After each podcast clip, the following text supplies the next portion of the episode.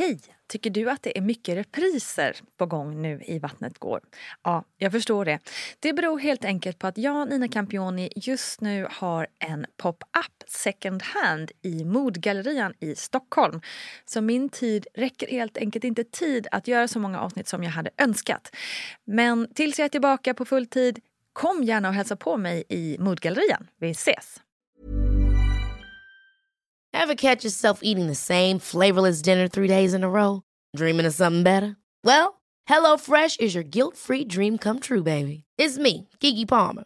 Let's wake up those taste buds with hot, juicy pecan-crusted chicken or garlic butter shrimp scampi. Mm. Hello Fresh. Stop dreaming of all the delicious possibilities and dig in at HelloFresh.com. Let's get this dinner party started. Life is full of what ifs. Some awesome, like what if AI could fold your laundry? And some, well, less awesome, like what if you have unexpected medical costs? United Healthcare can help get you covered with Health Protector Guard fixed indemnity insurance plans. They supplement your primary plan to help you manage out of pocket costs. No deductibles, no enrollment periods, and especially no more what ifs. Visit uh1.com to find the Health Protector Guard plan for you. Hi, I'm Daniel, founder of Pretty Litter. Cats and cat owners deserve better than any old fashioned litter. That's why I teamed up with scientists and veterinarians to create Pretty Litter. Its innovative crystal formula has superior odor control and weighs up to 80% less than clay litter. Pretty Litter even monitors health by changing colors to help detect early signs of potential illness. It's the world's smartest kitty litter. Go to prettylitter.com and use code ACAST for 20% off your first order and a free cat toy. Terms and conditions apply. See site for details. Hey, I'm Ryan Reynolds. At Mint Mobile, we like to do the opposite of what Big Wireless does. They charge you a lot, we charge you a little. So naturally, when they announced they'd be raising their prices due to inflation, we decided to deflate our prices due to not hating you. That's right. We're cutting the price of Mint Unlimited from $30 a month to just $15 a month. Give it a try at mintmobile.com slash switch. $45 upfront for three months plus taxes and fees. Promo for new customers for limited time. Unlimited more than 40 gigabytes per month. Slows. Full terms at mintmobile.com. Välkommen till podden. Nina Campioni heter jag som driver den här poddfamiljen som ju innehåller Vattnet går, Barnet går och VG-ploggen. Och därför tänkte jag bjuda på en repris av ett väldigt viktigt och bra avsnitt. I alla fall i min egen mening. Jag hoppas att du också ska tycka om avsnittet lika mycket som jag. För det finns ju ganska många otroliga avsnitt i den här poddserien som ju har hållit på sedan 2015. Så därför kommer nu det här viktiga avsnittet i sin helhet igen. Varsågoda. Hej, hej, hallå bästa lyssnare. Välkommen till Vattnet går. Du lyssnar på mig, Nina Campioni. Och vi pratar som vanligt om graviditet och förlossningar i den här podcasten. I det här avsnittet ska vi träffa en riktigt, riktigt imponerande kvinna. Maja Arnell arbetar som sjuksköterska och har under sin graviditet fått varit med om något som ytterst, ytterst få kvinnor tvingas vara med om. Som tur är. Eh, jag vill inte redan nu avslöja exakt vad det är men jag kan lova att det är en lika fascinerande och läskig som imponerande historia. Jag vill också verkligen påpeka att jag inte på något sätt vill skrämma blivande föräldrar med den här podden eh, utan snarare peppa och lyfta fram inspirerande stories på vägen till sin egna fantastiska story. Och jag hoppas att ni verkligen känner det när ni lyssnar. Med oss har vi också fantastiska Gudrun Abascal, barnmorska, som så vist hjälper oss på vägen. Så nu tycker jag det är dags att lyssna till Maja Arnells gripande berättelse. Du har en son, eh, Elliot, på ett och ett halvt år mm. nu hemma. Mm. Hur planerad var han? Väldigt planerad faktiskt. Midsommarafton fick jag frågan från min sambo om vi inte skulle köra. Så här, jo, jag ska på en 30-årsfest i augusti så vi får vänta lite. Ungefär som att det skulle gå så fort. Men, mm. Och sen tog det väl tre månader typ så var det ett litet plus på stickan. Hur kändes det då? ja, det var ju så här, klyscha men dröm som slog in. Jag har velat ha barn väldigt länge men inte träffat rätt liksom. Men med min sambo kändes det verkligen rätt från början. Så att eh, vi hade inte varit tillsammans alls länge när vi var gravida. Så att, men vi sa, känns det rätt och då kör vi. Det finns inget att vänta på. Ja, så gud, när det där stick, eh, plusset kom så min sambo började viska. Så han gick runt och viskade hela tiden. Och jag började också viska. För han bara, vad betyder det? Jag bara, det är ett plus. Ja, men vad betyder det?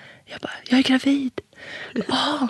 Så gick och viskade jättelänge. Till slut så frågade jag, men varför viskar vi för? Nej, jag vet inte. så att, ja, det var väldigt oroligt. Vi sa inte så mycket på hela den kvällen, kommer jag ihåg. Vi var med mest, vi bara satt och stirrade framåt. Och bara, det är ju väldigt overkligt, kan jag Ja, svårt att liksom ta in det riktigt, att det faktiskt är någon där inne. verkligen. När det inte varken syns eller känns egentligen. Det är väldigt roligt hur man, hur man eh, liksom tar in informationen på olika sätt. Ja. Vi bara, jag och min man, vi, vi kunde inte sluta skratta. Vi bara Nej. så här panikskrattade rakt ut. Som som två psykgalna människor. Och ni liksom viskar. Det är så Ja. härligt på något sätt tycker jag. Att det liksom, plötsligt så bara sker det någon slags reaktion i kroppen Ja. som bara tar över. Och man vet inte, jag hade nog tänkt mig att jag egentligen skulle typ bara hoppa upp, Ja. upp och ner och bara jubla. Och så vart jag helt tyst och började smyga. Och liksom, som att de inte skulle störa han där inne. Ja. Liksom. Ja exakt, vi måste viska för annars hör han Ja, han behöver lugn och ro. Han har ett stort jobb framöver. Ja. Och sen var det väldigt tidigt. Jag tror att jag var i typ vecka fyra, fem kanske. Eh, så att det var ju också lite så här, man vet ju inte. Alltså, Nej. Mm. kommer ens vara kvar? Det vet vi inte heller. Så att det var väl lite så här, man tyglade väl sin glädje lite med att så här, "Ah, ja, vi avvaktar de här magiska tolv veckorna liksom, och sen Mm. är det lugnt. Och det var verkligen en sån här, som jag tänkt på efteråt. Att jag tänkte aldrig att någonting kunde gå fel. Nej. Jag, det var de här 12 veckorna, där kan det gå fel. Ja, Och fel då, det kan, jag kan få ett missfall. Men ingenting annat liksom. Nej. Så när det hade gått 12 veckor så var det verkligen så här, åh, nu kan vi andas ut. Och jag menar, det kan ju ändå hända saker efter 12 veckor också. Det är bara Absolut. att, vad är det, 65 procent som minskar risken för missfall. Det kan ju fortfarande hända. Men ja, man Nej, blir insnöad på de där 12 veckorna verkligen. Verkligen. Och det är väl också skönt på ett sätt. För Ja. annars kan, går man ju omkring och oroar sig i, i 40 veckor. Liksom. Ja. Det är ju inte så kul. Nej, det skulle man inte orka. Nej. Då skulle man ju bli knäpp innan, innan den kommer ut. Liksom. Ja, precis. Men du mådde inte så bra heller fysiskt Nej, jag mådde ju fruktansvärt illa. Eh, och det, jag märkte egentligen att jag skulle... Så här efteråt kan jag säga att jag tror jag visste att jag var gravid dagen efter egentligen. För jag började må illa ganska direkt, men det var lite smått bara. Tänk, Den här lite känslan, jag har nog ätit något eller jag kanske håller på att bli sjuk. Eller, du vet, jag kopplade inte riktigt ihop med att jag skulle kunna vara gravid. Liksom. Och mådde illa, jag fick jätteont i, i, i brösten och så här. Eh, och tränade då och vart också jätteillamående när jag tränade och tänkte att gud men så långt sprang jag inte. Och sen bara vart det värre och värre egentligen. Eh, mer och mer illamående. Och det var egentligen det enda jag hade. Men det var en fruktansvärd illamående. Det, Jag tror ingen, ingen som inte har varit gravid illamående kan förstå den illamåendekänslan. För den, är ju, den går inte att jämföra med något annat typ av illamående. Liksom. Och den är ju konstant hela tiden. Jag vaknar ju på nätterna av att jag bara mådde illa. Liksom. Och jag kunde inte äta någonting. Allt luktade illa, allting smakade illa. Eh, jag, jag var tvungen att stå på balkongen typ, när min sambo lagade mat för jag klarade inte av lukten. Så att det var mild yoghurt och typ glass. Det var det enda jag kunde få i mig. Fanns det något du kunde göra för att minska? På? Alltså jag först prövade med alla husmorskurer. Liksom, ingefära och allt vad det nu var. Äta knäckebröd. Och, men ingenting fungerade. Det vart nästan bara värre. Till slut köpte jag något, så här, något så här åksjukeband. Men ja, ja, det hjälpte ibland. Då la det sig lite den här värsta toppen. Liksom. Men det försvann inte. Och jag vet att jag ringde till barnmorskan och bara frågade, liksom, ska jag ha det så här? Och nej, det ska du inte ha. Det här kommer gå över efter runt vecka 12-13. Då brukar det släppa för de flesta. Liksom. Och jag, ja men okej, men då kämpar jag på. Liksom. Och vecka 12-13 då var det ännu värre. Så att, och jag i stort sett låg i soffan och grät fy så hela tiden när jag var hemma. Liksom. Jag tror till och med min sambo frågade om jag ville avbryta för att jag mådde så fruktansvärt dåligt. Eh, och självklart ville jag inte det, för jag visste ju varför jag mådde så dåligt. Men han ville väl, vet inte, bara försäkra sig om att jag inte ah, gjorde något jag inte ville typ. Nej men precis, och så ser ju han såklart att du lider och Ja. vill på något sätt kanske lindra Ja men verkligen. Ja. sätt. Liksom. Men ja, sen när det väl, tror jag var i vecka 15-16 där någonstans. Då tänker jag nu måste det väl börja ge sig. Och då började jag spy. Jaha. Så att då, det var inte ofta, men det var väl tre, fyra gånger om dagen. Och jag, jag var och jobbade ju fortfarande, så jag sprang ju där och jobbade ju inom vården. Så att jag, alla trodde ju att jag hade blivit smittad av någonting Ja. inom vården. Ja. Eh, men eh, nej, det var hemskt verkligen. Det är det som är så jäkla galet också, att man ska må sådär och spy, Mm. men man ska ändå jobba. Ja. Man bara, men om jag vore liksom vanligt sjuk, Ja. då hade jag ju varit hemma. Ja, liksom, men ändå kände jag att det ändå kändes okej att jobba för att jag var ju inte sjuk. Jag var ju gravid. Mm. Alltså, så att det, var ändå, jag, det var ändå rätt skönt att jag ändå liksom stod ut och körde på. Jag vet inte, det var nästan skönare att komma till jobbet och kunna koppla bort. Ja. Sen hade jag ju ja, som sagt jobbat inom vården och där stöter man ju på både det ena och andra som inte alltid är så trevligt. Och då var det lite jobbigare. De här lukterna som kan vara liksom. Ja. Så att det, men det var ändå skönt att koppla bort, att tänka på något Ja, annat. För ibland glömde jag bort att jag mådde illa en Ja. stund i alla fall. Men ja, men sen, eh, sen gav det sig. Det var som nästan att vänd, stänga ett lock. Så från en dag till den andra så slutade jag må illa. Liksom. Det, det låg kvar, det molade liksom lite grann. Men det var inte den här Mm. hemska verkligen som jag bara grät över hela tiden Mm. egentligen. Hur kändes det när det släppte? Ja, det var ju, det var verkligen som ja, men, sten som föll. Liksom. Och jag bara kände att jag var sugen på mat igen. Och bara, gud vad ska jag välja? Vad ska vara mitt första? Det var ungefär som min första måltid efter liksom, Ja. att ha gått på en, jag vet inte, ja, 20 veckors diet typ. Mm. Nej, det var ju... Vad blev det då? Ja, det sjuka var att det var korv. Och jag tycker inte alls om det. Från början aldrig gillat korv. Jag tyckte det var hemskt. Och det var det enda jag var sugen på. Ja, vad intressant. Ja, det jättekonstigt faktiskt. Så att min Men sambo typ så här varm, korv med bröd eller En tunnbrödsrulle. Ah, okej. med, med gurkmajonnäs. Ja. Ja, och så fick jag den. Min sambo åkte iväg och köpte den. Och så åt jag den. Och jag varnade innan, jag sa jag gillar ju inte korv så att jag kanske inte ens kommer äta den här. Första tuggan så började jag grina. Och han bara, var det inget gott? Och jag bara, jo, det var det godaste jag ätit. Ja, så att sen, eh, sen var jag igång. ja, det måste ju varit sån lättnad. Ja. Alltså. Och så åkte vi faktiskt på en resa. Vi skulle åka på en dykresa. Hade vi bokat och innan vi visste vi var gravida. För tyvärr får man ju inte dyka när man är gravid. Så vi åkte iväg på en tre veckors resa till Filippinerna och åkte runt där och dök med två vänner. Då. Vart ingen dykning för mig då, vilket ja, det var ju inte skitkul men det var så skönt att komma iväg och få bara, jag. jag behövde verkligen återhämta mig liksom. Så att det var ju riktigt nice. Och vad Sen- hände sen? Ja, sen hade jag åtta veckor där jag fick må bra och bara var på de där små målen som man hade kanske drömt om. lite så här. Jag är gravid, man började bli tjock, man fick mage. Det började sparka. Och bara den första känslan, liksom, att gud det är ju faktiskt någon där inne. Det är ju svårt att ta in. Jag kan fortfarande tycka det är svårt att ta in och veta att någon har varit där inne. Liksom. Absolut. Men eh, sen i vecka 28 och två dagar hade jag gått så sitter jag hemma vid köksbordet och äter middag med min sambo.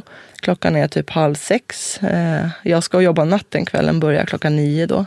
Så vi ska käka middag tillsammans egentligen. Och, jag ska åka. Och jag hade mått dåligt under dagen. Jag hade varit, fast jag hade varit trött bara så att jag hade, och jag hade sovit dåligt. Eh, så jag var lite så här seg och hade ont i huvudet och så här. Står och lagar mat så känner jag att jag har en liksom, huvudvärk. Så jag tänkte, gud jag har druckit dåligt den här dagen. Men, så jag dricker vatten, eh, sätter mig vid köksbordet och eh, käkar. Eh, och helt plötsligt så bara ska jag flytta på mitt ben, på mitt vänstra ben. Och det går inte. Det, det rör sig liksom inte. Och det känns som att det har liksom domnat av. Så jag tar den med händerna och försöker lyfta benet. Och det väger bly alltså. Så att jag bara bryter ihop och börjar storböla igen. Eh, och min sambo bara, men gud vad händer? Så här. Och jag bara, det är någonting som är fel. Jag känner inte mitt ben. Eh, och han bara, ha gud, hoppar upp, så här, vad ska jag göra? Och börjar massera mitt ben. För jag tror att båda han, eller han tror framförallt att det är typ, jag har suttit på det eller att jag har somnat eller någonting. Eh, och jag själv tänker ju något helt annat. Och sen börjar det sticka i min arm. Jag känner hur fingrarna börjar så här. Det är som att de har somnat ungefär. Eh, och hela armen försvinner också. Eh, och då säger jag till min sambo att eh, ring 1177 säger jag. Eh, det är någonting som är fel. Du måste fråga vad jag ska göra. Och han bara, vad ska jag fråga? Nej men fråga bara vad jag ska göra säger jag. Eh, och han ringer och säger, det är telefonsvarare. Jag bara, nej det är inte telefonsvarare. Men de säger väl så innan att ja, är det akut så ring 112. Och det är väl det han hör gissar jag. Eh, och då säger jag, nej men lägg på och ring 112 eh, för jag har fått en stroke. Och han bara, va? Ja, ja, men lägger på och ringer 112.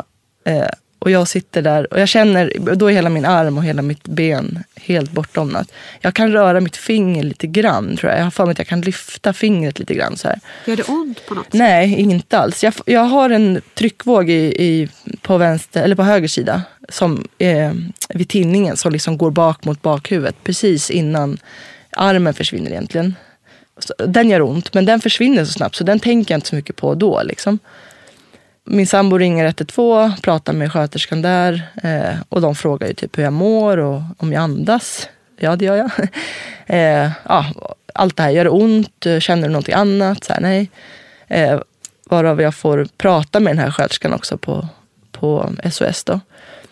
Eh, och hon ja, ställer massa frågor så. Eh, och min sambo står bredvid mig på vänster sida eh, och helt plötsligt så ramlar jag av stolen. Så jag faller till marken. Som tur var står han där så han fångar i mig. Liksom. Eh, och då säger jag till henne, jag bara, men oj, oj nu, ramlar jag, nu ramlar jag till golvet här. Så här. Hon bara, slog du dig? Och bla bla bla. Nej, jag slog mig inte. Så här, men nu ligger jag på marken. Så här. Hon bara, ja ambulansen är på väg. Så att, eh, och vara min sambo har sprungit iväg och hämtat kudde och filt. Och jag har frågat efter, så varför gjorde du det? Han bara, ingen aning. Jag visste inte vad jag skulle göra. Liksom. Mm. Så, och vad hon sa till mig, se till att du håller dig varm. Så han la dit en kudde och filt. Och sen tyckte jag det gick så, det gick så himla fort. Eh, vi ser ju ut från köksfönstret där vi bodde då, ner på gatan. Så att ambulansen kom väl väldigt fort. Eh, vi bo på, bodde på tre trappor, så de kommer upp utan hiss. Eh, och så tar de då, tar ju blodtryck och blodsocker och så här för att se om det är något, bara, något tillfälligt. Liksom. Eh, och eh, ambulansföraren tittar på mig och säger att ja, vi får åka in. Eh, jag tror att du förstår att du åker in som ett strokelarm. Eh, och vilket jag bara, ja, jo men det förstår jag. Samtidigt som jag tänker, men gud, jag är, vad var jag, 32 år, mm. jag är frisk, det är klart jag inte har fått en stroke. Det här är ju något annat. Mm. Även om jag, så här, fast jag vet. Det här är, det här är ju mm. exakt vad det är. Liksom. Men det är också, just eftersom du jobbar inom vården, för jag mm. gissar att det är jättemånga eller det är ju inte så vanligt att det här händer tack och lov. Men om det hade hänt mig, det, jag hade nog inte ens du vet, fattat att jag måste ringa 112. Alltså förstår du vad jag menar? Men, alltså, mm. Det är många som har uttryckt det precis som du gör. Men jag tror att när det väl händer, när det blir skarpt läge, det händer något. Precis som det ja. händer någonting när man får ett plus på stickan. Ja. Det händer något i kroppen när det blir skarpt läge. Man fattar att det är något allvarligt. Ja, för att när jag kände direkt att nu är det allvarligt så slutar jag gråta. Ja. Och sen gråter jag egentligen inte Nej. på en vecka. Alltså, Han du bli rädd där när du var innan ambulansen Nej, kom egentligen inte. Jag, jag, jag varit rädd för att jag varit orolig för att det var någonting med barnet. Ja. Eh, för jag hade inte känt honom sparka på, när jag liksom tänkte tillbaka, då, jag bara, gud när sparkade han sist? Det här jag kommer inte ihåg. Eh, och då var jag rädd att det var någonting med honom. Men jag var aldrig rädd för min egen skull egentligen. Utan mm. jag tänkte att det löser sig. Men bara det inte är någonting med barnet. Och hela tiden vet jag, ambulanskillarna frågade jag. Och eh, när vi kom in till, åkte vi till SÖS. Först hörde de till förlossningen. Eh, och sen vart vi tillbaka skickade till själva akuten. Då jag kom in då på ett strokelarm och då kryllade jag folk. Eh, och det, jag vet inte hur många de var. Jag, det är väldigt rörigt den här första tiden. Men de var säkert åtta, nio personer där inne. Liksom narkosläkare, och massa olika typer av läkare, sjuksköterskor, undersköterskor. Och alla drog ju i varsitt ben och stack nålar och tog prover och allt vad det nu lyste i ögonen. Och de gör ju liksom allt och ingenting. Liksom. Eh, och min enda fråga hela tiden var kan någon titta på barnet? Kan mm. någon känna, lyssna? Och då sa de hela tiden att men det, vi måste, det är ditt liv nu. För om inte du överlever så överlever inte barnet. Mm. Men, och jag var lite så här, men skit i det. Jag vill bara att ni kollar liksom, så att jag kan slappna av. För det är inte bra heller att jag ligger här och är stressad. Eh, och jag åkte in på röntgen eh, och gjorde en röntgen. Och då började jag må illa. Eh, och spydde väl där inne tror jag också. Vilket är helt normalt när man då har fått en stroke. Så det var väl inget konstigt. Men, eh, och sen fick jag komma ut igen och så kommer en läkare till mig. Och som jag minns det så låg jag i en korridor. Och min sambo satt bredvid mig. Och han kommer till mig och säger, eh, hej, eh, vi ser på röntgen att du har fått en blödning i, i din högra hjärnhalva. Precis vid ditt motoriska center. Eh, det är därför du är förlamad. Mm. Så att jag är alltså helt förlamad på min vänstra sida. Jag kan klämma folks hand lite grann, men väldigt svagt. Men jag kan i alla fall. Och han säger att, ja, så att du, du kommer få åka till neurologen i Solna. Och jag igen, ja, okej, okay, men när kommer förlossningsläkaren? Kan någon titta på barnet? Eh, och han bara, ja men eh, de är på väg, började de säga efter ett tag. Förstår nu att det var de säkert inte alls, men de sa väl så. för att... Eh, och då minns jag att jag varit ledsen och sa, Thomas varför bryr sig ingen om alla bryr sig om mig, men jag är inte bara en person nu, jag är faktiskt två. Så kan, jag tror att jag sa till honom, se till att det kommer någon nu, innan jag liksom, ja, annars drar jag härifrån. Som att jag hade kunnat göra det. Nej, men det var ändå min så här, ja. nu. Och då, precis när jag varit så där arg, då får jag världens spark i magen. Oh, oh. Och det var så himla häftigt, för det var nästan som att han, vi visste att det var en han. Det var som att han hela tiden hade så här, okej, okay, men jag, jag backar undan lite oh. här. Jag tar en paus, du vet, ta hand om dig själv nu, jag är här. Och sen förstod han på något sätt att, vänta nu, jag måste nog säga hej här. Ja. ja. och då fick jag en kick och då sa jag till min sambo, jag bara, nej nu känner jag han, det är lugnt, ja. han mår bra. Och då kunde jag, då fattade jag att shit, vad fan är det som händer liksom? Och då vart jag körd till, till neurologen i Solna på Karolinska, för där är alla specialister. Och kom upp på en avdelning. Jag tror att jag gjorde en till röntgen där, för de ville väl kolla hur, eh, om den fortsatte blöda eller om den stannade av. Och när jag kom till Solna, då hade, var liksom blödningen större, så den fortsatte att blöda. Mm. Vilket är dåligt. Eh, men jag, var fort, jag mådde fortfarande bra egentligen. Jag var ju medveten hela tiden. Och, eh, och så. Hamnade på en... Men det är fortfarande, rent, liksom, det är fortfarande en fara för ditt liv? Liksom. Ja, det är det ju. Ja. Alltså, en blödning är alltid en blödning. Ja. Det är alltid livshotande. Sen, sen upplevde jag aldrig så att så här, jag var nära att dö. Mm. Men det är klart, ja. visst det hade kunnat ja. hänt i värsta tänkbara fall. Den låg ju rätt nära liksom, mittfåran på hjärnan om man uttrycker det så. För att prata lite enkelt. Eh, och hamnar den, liksom kommer den in där så den kommer in i liksom det centrala systemet. Då, då är det ju direkt livshotande. Mm. Eh, så att, och det, den var ju så pass nära har jag fått se efteråt. Så att det var ju absolut så att de det sa de ju så efteråt också, att det är ditt liv som gäller nu. Vi räddar ditt liv nu. Hans liv kommer i andra hand. Mm. Även om det lät hemskt. Och i mina öron så var, var, det inte ens acceptabelt. Men mm. jag fattar efteråt. Ja. Men jag kom i alla fall upp på en avdelning där som är lite så här mellanakut kan man säga. Mer än akut men inte intensivvård. Och så får jag träffa en läkare där och då sitter jag och klämmer hans hand. Eh, han bara, kan du klämma min hand? Ja, det kan jag göra. Så klämmer jag handen. Och så när jag ligger där så känner jag bara att nu kan inte jag det längre. Mm. Varav jag säger till honom att, att eh, jag kan inte klämma din hand längre. Han bara, men du gjorde det alldeles nyss. Jag bara, fast nu går det inte längre. Och så tar han min hand igen och så försöker jag klämma och det händer ingenting. Och då springer han ut och sen så blir det inte fullt pådrag men det blir pådrag igen. Och jag körs ner till intensiven, på neurointensiven. Och där blir jag kvar i ungefär en vecka. Och då är det ju intensiva kontroller. Jag tror att de väcker mig första dygnet var 30 minut och kollar eh, mina pupiller. De kollar att jag är vaken, att jag lever typ. Att jag vet vilket datum det är och ja, jag kommer inte ihåg allt de frågar. Vad jag hette, mitt personnummer. Eh, bara hela tiden kolla min, min status liksom. Och jag får fasta i, jag tror att det är, jag får fasta för att eh, de planerar faktiskt att plocka ut mm. barnet. Eh, också för att de, det finns en risk att de behöver också operera mig. Alltså öppna upp och gå in och stoppa blödningen och ta mm. bort blod som ligger och trycker. Men jag, jag repar väl mig, för att det blir ju inte så. Eh, så att blödningen avstannar. Eh, och jag röntgats väl fler gånger. Jag kommer inte ihåg, den här första veckan den är väldigt, den känns som en dag för mig. Ja, det. Eh, fast det händer väldigt mycket. Och min familj är ju där. Jag min syrra och min sambo de sov ju ute i en soffa första natten. Jag trodde min syrra sov på golvet till och med. Vägrade åka därifrån. Liksom, vilket, och jag vet att jag tänkte på det också. Det var så skönt att de var kvar. Samtidigt som att jag var så jäkla trött. Mm. Eh, men jag visste att de var där. Liksom.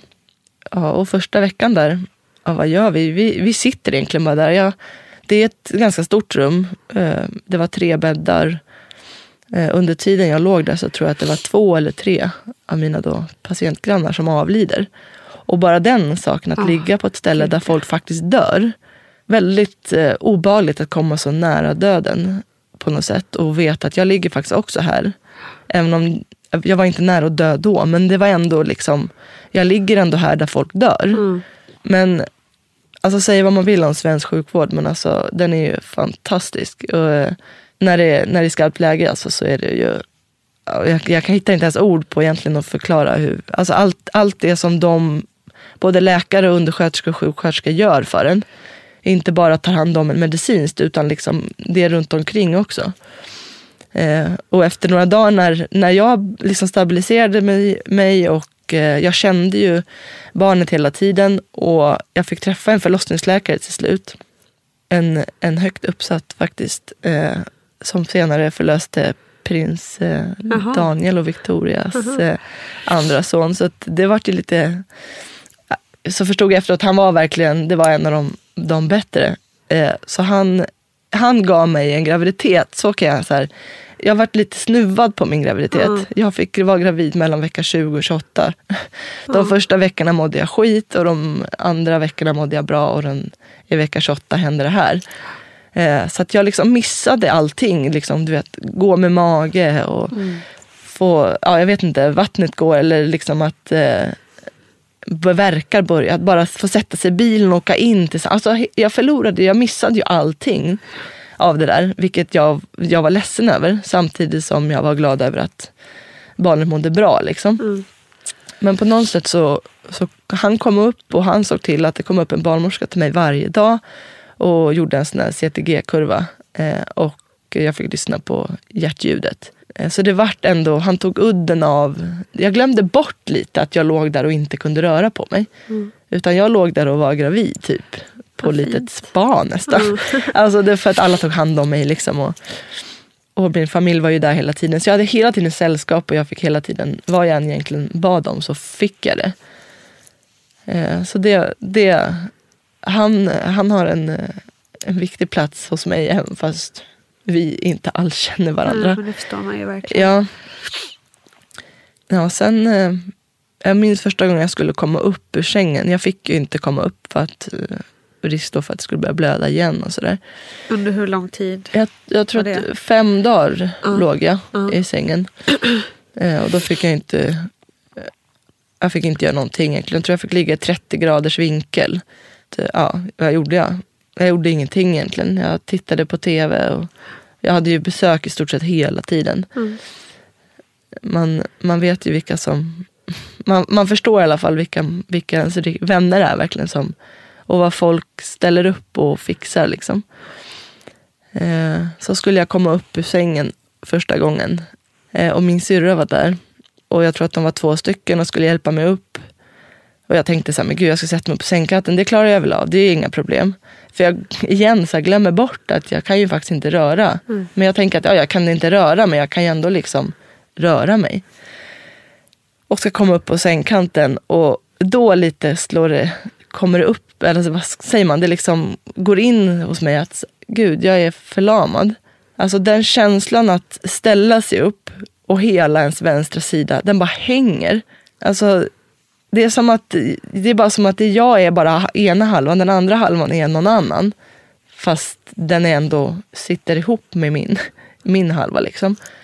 Och den hänger verkligen bara och jag, det är så tungt, hela huvudet hänger för jag är liksom förlamad egentligen hela vägen. Så att nack, liksom, muskulaturen och allting har ju liksom försvagats på de här fem dagarna jag legat.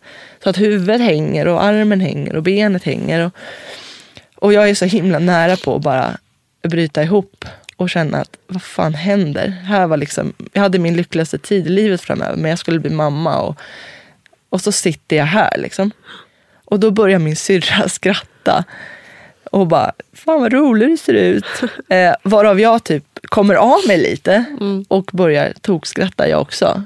Och börjar, ja det var så himla skönt. Eh, så att vi skrattar åt det här istället och bara lite så här, det är som det är. Nu gör vi det bästa av det här. Liksom. Jag ska fortfarande bli mamma så att jag har ju ett jobb att göra. Och det är lite bråttom för han kommer ju snart. Ja. Vilken Eh. fantastisk inställning. Ja, alltså jag fick hjälp med den. Men jag, från början så kände jag på något sätt att men det här löser sig. För att det, det måste lösa sig. Jag har liksom inget val. Jag kan inte lägga mig ner och, och tycka synd om mig själv och jag kan inte röra mig och nu ska jag sitta i rullstol resten av mitt liv. Alltså vad hjälper det mig? Ja, nu har jag valt att skaffa ett barn. Nu har jag ett ansvar här. Nu kan inte jag tänka bara på mig själv. Så allting blev så himla... Allt jag gjorde, och det kändes som att allting alla hjälpte mig att göra, Mm. gjorde vi för Elliots skull. För att han, han ska komma ut och det ska bli bra för honom. Han ska inte liksom gå miste om någonting för att jag är dålig. Och det var egentligen enda gångerna som jag också under den här tiden grät. Det var när jag kom på att gud, snart ska jag bli mamma och jag är förlamad. Jag kommer inte kunna hålla i mitt eget barn. Jag kommer inte kunna trösta honom, jag kommer inte kunna hålla om honom. Hemsk känsla verkligen. För det är ju liksom, det är ju mitt jobb som mamma att ta hand om honom och jag kommer inte riktigt klara av det. Och jag låg och funderade på saker. Hur ska jag kunna lyfta upp honom med en hand? Så här, okay, jag får ha kläder som inte går att knäppa upp så jag kan liksom ta han i, som katter typ i nackskinnet liksom och lyfta upp han. Samtidigt som jag säger, ja det kanske jag kan göra när han liksom väger tre kilo men jag kan inte göra det när han väger tio kilo. Så det var liksom mitt enda plan. Hur ska jag lösa det här på bästa sätt? Eh, och vården gjorde allt för att jag skulle kunna lösa det. Så jag låg väl på, på IVA där i en vecka och sen låg jag på en annan avdelning då när jag var stabiliserad och egentligen mådde bra i en vecka. Och eh, sen vart jag överflyttad till eh, inneliggande rehab i Danderyd. Det, jag kanske ska säga, det, det det var var ett, ett, en, en kärlmissbildning i mitt, eh, som heter AVM. Eh, som gör att, eh, att det växer kärl på ställen som det inte ska växa kärl. Och de knutar ihop sig och kan spricka. Har troligtvis haft det här hela mitt liv fast det vet man inte om förrän det då händer. Mm. Eh, troligtvis var det graviditeten, säger de, som utlöser då. då vet man får mer blod i kroppen, blodtrycket går upp och det, det är en påfrestning för kroppen att vara gravid. Liksom. Och sen när jag låg på den här eh, avdelningen på, som heter, eh, jag kommer inte ihåg, det spelar ingen roll. eh, den, eh, då sitter jag och håller min pappa i handen. Eh, min pappa och en av mina bästa kompisar är där. Eh, och jag sitter och håller, eller han sitter och håller mig i, i min vänsterhand. Och så säger jag till honom så här, alltså det är så fruktansvärt irriterande för jag vill bara krama din hand. Jag vill bara, så, här, så bara tänker jag hur jag bara klämmer den så här. Jag, bara, åh, jag minns, åh, jag vill bara känna hur det kändes och bara klämma åt min pappas hand och känna att han klämmer tillbaka. Och helt plötsligt så bara klämmer min hand åt pappas hand. Och jag, jag bara, häftigt. ja det var så jäkla häftigt. Och, och jag bara, du vet, både jag och min pappa och min bästa vän bara tittar upp och bara, va? Vad gjorde du? För jag hade haft väldigt mycket så muskelkramper.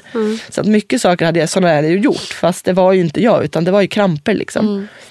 Och då, jag bara skrek till pappa, bara, det var jag, det var jag. Och han bara, släpp min hand då, du måste göra igen. Men det kunde jag inte, för jag kunde inte få ut handen. Och, han- Så han fick liksom bända ut. Den rörelsen är ju tyngre, liksom, att få ut handen. Så pappa bände upp mina fingrar så här och jag, och jag ah, är du beredd? Så här? Och så tänker jag i mitt huvud att nu klämmer jag. Och den här vägen ner från hjärnan och ut, den tar liksom tre, fyra sekunder. Så vi sitter, jag klämmer, jag bara, nu klämmer jag. Och sen så sitter vi och tittar på min hand och sen så bara ser man hur den klämmer ihop pappas hand. Ja, och pappa blir ju skitglad och börjar gråta och jag börjar gråta, min kompis börjar gråta. Ja, av lycka liksom, för vi bara, för det hade de ju sagt. Jag har ju frågat liksom, kan, kommer jag kunna gå igen? Ja. Och de ryckte på axlarna. Vi Ingen vet aning, inte, vi kan nej. inte svara på det. Och bara den vetskapen att aha, jag kanske kommer att sitta i rullstol resten av mitt liv. Liksom. Mm. Från att ha spelat innebandy och fotboll hela mitt liv. Liksom. Så det var ju bara så häftigt att det hände någonting. Få hoppet. Ja, hoppet gick verkligen sköt i höjden. Jag fick så mycket, nu jäklar, nu ska det här bli bra. Och sen vart jag då, det här var typ bara några dagar innan jag vart förflyttad sen. Så att jag kom ju till den här, vart flyttad då till Danderyd till så här inneliggande rehab och fick ett eget rum. Men för, förlåt, sa läkarna också då att liksom, ah, men shit, eller, nu, det här är ju jäkla bra. Då, det, det är ett tecken på att du kanske kommer att... Nej, Eller? det sa de egentligen inte. Men då, då, det var ju verkligen positivt. Egentligen, de, de var ju rätt oroliga att jag inte hade kunnat gjort det tidigare. Så att första veckan jag låg på IVA så kunde jag ju inte det. Och det var ju jättedåligt. De var så här, det här är oroväckande. Att du fortfarande inte ens kan liksom göra någonting. Ja, okej. Eh, så att det var snarare tvärtom. Att så här, shit vad bra. Men fan, det tog lite för lång tid. Mm. Det sa de inte riktigt till mig så, men det var så har jag liksom efteråt fattat det. Mm. Och de sa väl till, till min, mina föräldrar och mina syskon att liksom, de, de sa ju inte alltid allting till mig. Nej, det är klart. Det var väl smart egentligen. Just då vart jag mest lack på det för jag tycker att, vad fan, säg jo till mig. förstås, det är jag som är patienten och sådär. Ja, men, för, men jag tror- jag gissar i såna speciellt kanske sådana här eh, fall att, att man behöver hoppet så himla Mm. starkt. Verkligen, och jag tror att, att någon skulle komma in och säga till mig att är det kört gumman, du kommer inte kunna gå igen. Alltså jag vet inte om man hade trotsat dem och bara, det Nej, kommer jag exakt. visst göra. Precis. Då kanske, ja. Och det var någon läkare som sa till mig att, för jag frågade när slutar man läka liksom? Och då var det någon som sa att när du ger upp, då slutar du. Och det, det är en sån grej som sitter kvar i mig Ja. verkligen. att okej jag tänker aldrig ge upp. Jag tänker trotsa alla de här oddsen för jag, jag tänker bli bra. Så, att, eh, ja, så det var ju skithäftigt att, vi, att jag kunde klämma hans hand. Och liksom, det var en bra start på den här inneliggande rehaben som jag skulle börja på. Och den här eh, Lennart som han heter, den här förlossningsläkaren som då kom upp, tror jag samma dag och bara, jag hörde, Ja. du kan klämma handen. Jag bara, ja. Han bara, jag måste få känna. Eh, så jag klämde hans hand. Han bara, ja fan vad häftigt. Så här, nu, nu, nu kör vi. Det var som att vi var ett team. Liksom. Eh, och sen eh, kom han även upp med eh, ett datum. Eh, och sa, vad gör du 26 maj? han. Jag sa, ja jag vet inte, ingenting. Han bara, vill du bli mamma då? Ja. Och, det, och jag bara ja. Vilket egentligen var helt fel. Jag skulle ju, Elliot var ju beräknad till den 8 juli. Så att han skulle ju bli för tidigt född såklart. Eh, i- in med det här datumet. Men eh, med tanke på min då, mitt tillstånd så vågar de inte ha kvar honom längre. Eh, utan han skulle då bli eh, utplockad i vecka 34. Och det var ju också en så här, ja, lite man eh, tänker väl åt det positiva hållet på något sätt. Att bara, åh vad häftigt, nu slapp jag vänta så länge. Behövde jag, nu slapp jag de sista sex veckorna. Samtidigt som, och fortfarande då tänker jag att, att det är liksom, det kan inte, ingenting kan gå fel. Nu har det gått så fel som det kan gå. Precis. Liksom. Mm.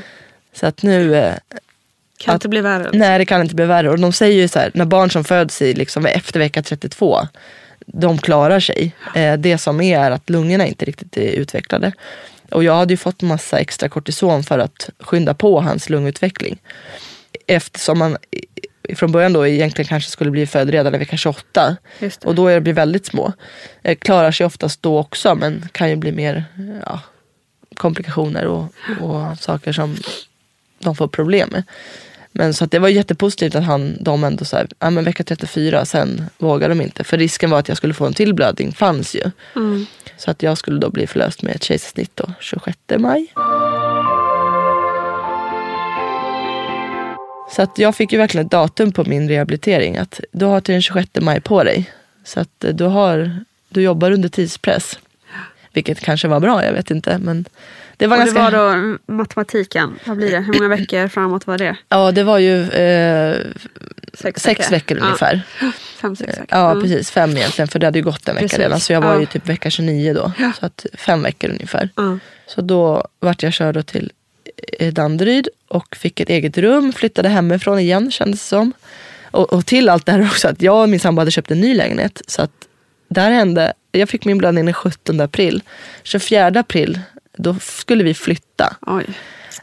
till vår nya lägenhet. Så att, och det löste sig med, helt plötsligt så stod det, jag tror det var 17 pers som kom Ja, eh, och hjälpte Thomas. Ja. Och en, min bästa killkompis kom med en lastbil så att de bara flyttade allting. Det Mm. gick ju på en dag typ. Folk packade upp och du vet, ja. Så jag låg där på intensiven och fick filmer när folk flyttar in i min lägenhet som jag typ själv aldrig har varit i. eh, och bara, jag lägger kryddorna här. Och jag bara, nej. Ja, Okej, lägg dem där. Det spelar inte så stor roll.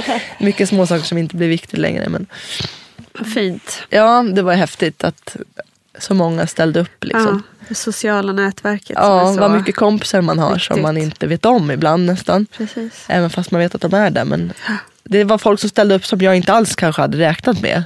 Som jag bara, aha, men gud. Så det var häftigt. Så att jag har lite payback att göra. eh, nej men så vart jag då, kom jag till det här inneliggande rehaben i Danderyd. Där jag får ett eget rum och, och, och ska påbörja min rehabilitering. Och jag får träffa logopeder, kuratorer, psykologer, sjukgymnast, arbetsterapeut. Och har ett schema egentligen från nio på morgonen till fyra på eftermiddagen. Där jag tränar allt möjligt. Eh, de gör jättemycket eh, kontroll eller minneskontroll eller minnes... Eh, vad heter det? Ja, eh, minnesövningar. Liksom. Mm. Att kolla så att man inte man inte har fått någon sån typ av hjärnskada. Och kolla talet, om man kan svälja ordentligt och så här. Och jag fick ju inga sådana alls, vilket är jätteskönt. Ja. Tänk om man hade glömt bort folk. Eller, ja, jag vet inte, glömt de senaste tio åren. Jag är glad, allt, allt kan hända. Liksom. Mm. Men jag, hade, jag var verkligen bara förlamad. Och bara fick börja lära mig om allting. Liksom. Borsta tänderna, kamma håret, sätta upp en tofs med en hand. Liksom. Det går ju inte allt sånt där. Jag fick bara hitta nya lösningar på hur jag skulle göra. Och Sjukt envis är jag tydligen. Det visste jag inte riktigt, men det är jag ju. För jag vägrar ju ta hjälp av något egentligen. Jag vart ju arg när folk försökte ja. hjälpa mig för mycket. För att jag, det får ta den tid det tar. Men jag tänker sätta på mig den här strumpan själv. Mm. För en dag så kommer jag göra det. Liksom helt själv. Så jag tror första dagarna tog det väl så 45 minuter, en timme för mig att klä på mig. Mm de här stackars undersköterskorna stod ju där och bara hade ju kanske fler patienter att ta hand om. Och jag sa, ni får gå ifrån så ja. får ni komma tillbaka mm. för jag ska göra det här själv. Det är och grymt så, ja. ja. men alltså. Ja, det är häftigt, samma sak där, hur jag reagerade som jag inte alls visste. Mm. Och jag tror ju på något sätt att de flesta skulle göra så. Alltså det är en jäkla överlevnadsinstinkt som man får. Och, Sen vet inte jag, hade jag inte varit gravid och haft, allt jag gör är ju för Elliots skull. Liksom. Jag måste ju bli bra, jag måste ju kunna klä på mig själv, jag ska ju klä på honom. Mm. Så att jag vet inte hur det hade gått om han inte hade funnits med, om det hade hänt av en annan anledning. Nej, precis, det undrar man ju ibland lite. Ja. Om det varit enklare då kanske att gå in i någon slags depression och bara, nej men jag tror jag det. Upp, liksom. Ja, och lägga sig på soffan och bara ja. kolla på film och ja. äta chips, jag vet inte. Tycker men nu mer, var det liksom... mer tycka synd om sig själv kanske ja, men lite än, så här. än att komma igång för någon ja. annans skull. Ja. Verkligen. Så att allt vart liksom, allt vart för han och han var, vi vart liksom ett sånt jäkla team. Han var, när han när jag behövde så sparkade han och när jag mm. behövde lugn och ro då var han lugn. Liksom. Så det var som att vi kände av varandra hela tiden på något sätt. Coolt. Så att mitt fokus där vart ju såklart att jag måste bli klar med armen. Mm. Så att jag kan hålla honom när han kommer. Mm. Jag kan inte bli mamma och inte kunna och få titta på honom. Liksom. Det, Nej, alltså jag kan verkligen... Alltså, för det är också en sån här dröm, liksom, och du vet föda ut barnet och få upp den på bröstet ja. och sen du vet och så är han där. Och nu liksom, allt det där var ju raserat för mig. Liksom. Mm. Jag bara, hur ska det bli nu? Mm. Jag ska... Ja, och som du sa innan också, så här, den, den, absoluta modersinstinkten är ju verkligen hålla om, mm. skydda. Liksom. Ja. Så jag förstår att skydda, det var trösta, en, en stor älska, liksom. målbild. Liksom. Ja. ja. Och sen så var allt det liksom taget ifrån mig. Ja. På verkligen en sekund. Från att jag stod och lagade mat tills att det var över. Liksom. Mm jäkligt sjukt hur livet snabbt bara kan tokvända och dra åt andra hållet. Liksom. Mm. Och man kan ju verkligen välja att gå det ena eller an andra hållet. Liksom. Och jag valde tydligen att gå rätt håll. Mm. Så att jag körde, jag vet inte hur många timmar om dagen jag tränade. Och jag fick göra, det var allt möjligt från att sitta och bara lägga klossar i, från en burk till en annan, till att stoppa pinnar i hål och skruva på muttrar. Och jag satt i timmar. Och sjukt, lite som vi sa innan här, vad svårt det är att skruva en mutter. Mm. Eller att liksom lyfta en pinne och lyfta och stoppa ner i, en pinne, i ett hål. Mm. Att träffa hålet, att liksom... Saker som man tar för självklart. Ja, det är jättesjälvklart. Och det har det ju varit för mig också hela livet. Ja. Liksom. Det är inga konstigheter. Och nu var det så jäkla svårt och mm. tungt. Och, Kände du framsteg liksom, ja, det hela jag. tiden? Eller, alltså, det gick så jäkla fort för mig. Ja. Eh, jag var ju extremt envis och körde på. Jag tränade ju mer än vad de tyckte att jag skulle göra. Mm. De sa du måste vila också. Då sa jag, men det kan jag göra sen. Jag har inte tid att vila nu. Nu kör vi så här. Jag satt och rullade på de där jävla skruvarna. och liksom grät för att det inte gick och skrattade och vart lycklig när jag helt plötsligt fick till det. Mm. Och liksom hur lycklig man kan bli av att lyckas skruva en mutter, en hel skruv. Liksom. Det, ja, det är som sjuk känsla. Liksom, mm. Att bara, jag kan. Jag kan. Och bara hoppet att så här, jag kanske kommer kunna hålla honom när jag, han kommer. Och hela tiden, jag hade ju nästan nedräkning liksom, att nå, tre veckor kvar, två veckor kvar. Och, Mm. och från ena dagen till den andra så gjorde jag framsteg. Liksom. Man gjorde ju samma grejer och så tog de ju väldigt mycket. De tog tid och de räknade antal klossar jag lyckades flytta. Och, och från den ena dagen till den andra så liksom förbättrade jag mig. Eh, Så de hann ju inte, de sa ju det själva, vi hinner inte riktigt med att uppdatera dina övningar för att du är så himla snabb. Eh, vilket, det var ju såklart ett jättegott tecken. Ja, men verkligen. Det måste vara så peppande för dig också. Liksom. Ja, det är mycket lättare att sätta sig en gång till och Ja, göra det här när, exakt. när man vet att det går. Liksom. Ja, så jag, jag körde på. Eh, fick väl permission någon gång så jag fick komma hem i lägenheten och Fick se hur konstigt inredd den var. hur vad konstigt folk hade ställt allt saker i skåpen. eh, men, eh, men jag kunde ju fortfarande inte gå. Jag hade ju, kunde väl egentligen ingenting med benet. Eh, ja, vi bor ju på en och en halv trappa utan hiss. Så att, och det var ju också så här positivt Ja. egentligen. För shit vad jag har blivit bra på att gå i trappor. Liksom. Jag var ju tvungen att ta mig upp och ner. Så att jag första gången jag kom hem där och skulle gå upp för trapporna. Det tog väl en kvart, 20 minuter innan jag var uppe. Men Mm. Kom upp i alla fall. Och kom in i lägenheten och fick se hur fint det var ändå. Jag var så nöjd. Sen fick jag ju komma hem på helgerna och så här, så det var skönt. Jag behövde inte ligga kvar. För det var ju, alltså min sambo kom ju och hälsade på. Liksom. Sen åkte ju han hem på kvällen. Han kunde inte sova kvar.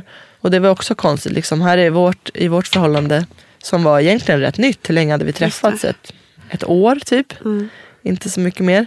Och, och vi blir separerade liksom, i tiden när vi ska När ni verkligen ska bonda ihop Ja, er, verkligen. Liksom. Då blir vi liksom skilda åt. Och får ringa och säga godnatt liksom. Ja. Mm. Men ja, men det gick. Vi är nog mer kära än någonsin. och det är härligt. Vi sa det, det hade ju kunnat gått åt skogen där. Vi hade ju kunnat, hade ju kunnat bli för mycket för oss. Liksom, att Ja, vi visst. inte hade grejat det. Liksom. Mm. Och det har egentligen blivit tvärtom. Att vi har växt ihop. Och det känns som att vi har känt varandra i alltså hela livet. Liksom.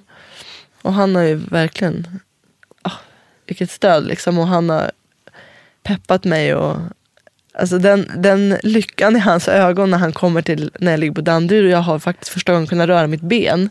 Så kommer han in i, i mitt eh, rum där jag ligger så säger jag bara kolla älskling. Och sen så lyfter jag bara benet rakt upp. ja, alltså den lyckan i hans ögon när han bara åh vad duktig du är. Som man, ja, den var också så häftigt. Och vi, vilken energi det är också. Bara, Nu ska jag visa han ännu mer sen. Jag bara, nästa gång du kommer då ska jag göra det här. Och nästa gång du kommer då ska jag göra det här. Och, Eh, sen är ju benet så mycket större. Det är så mycket mer muskler, Ja, mycket större muskler. tungt. Ja.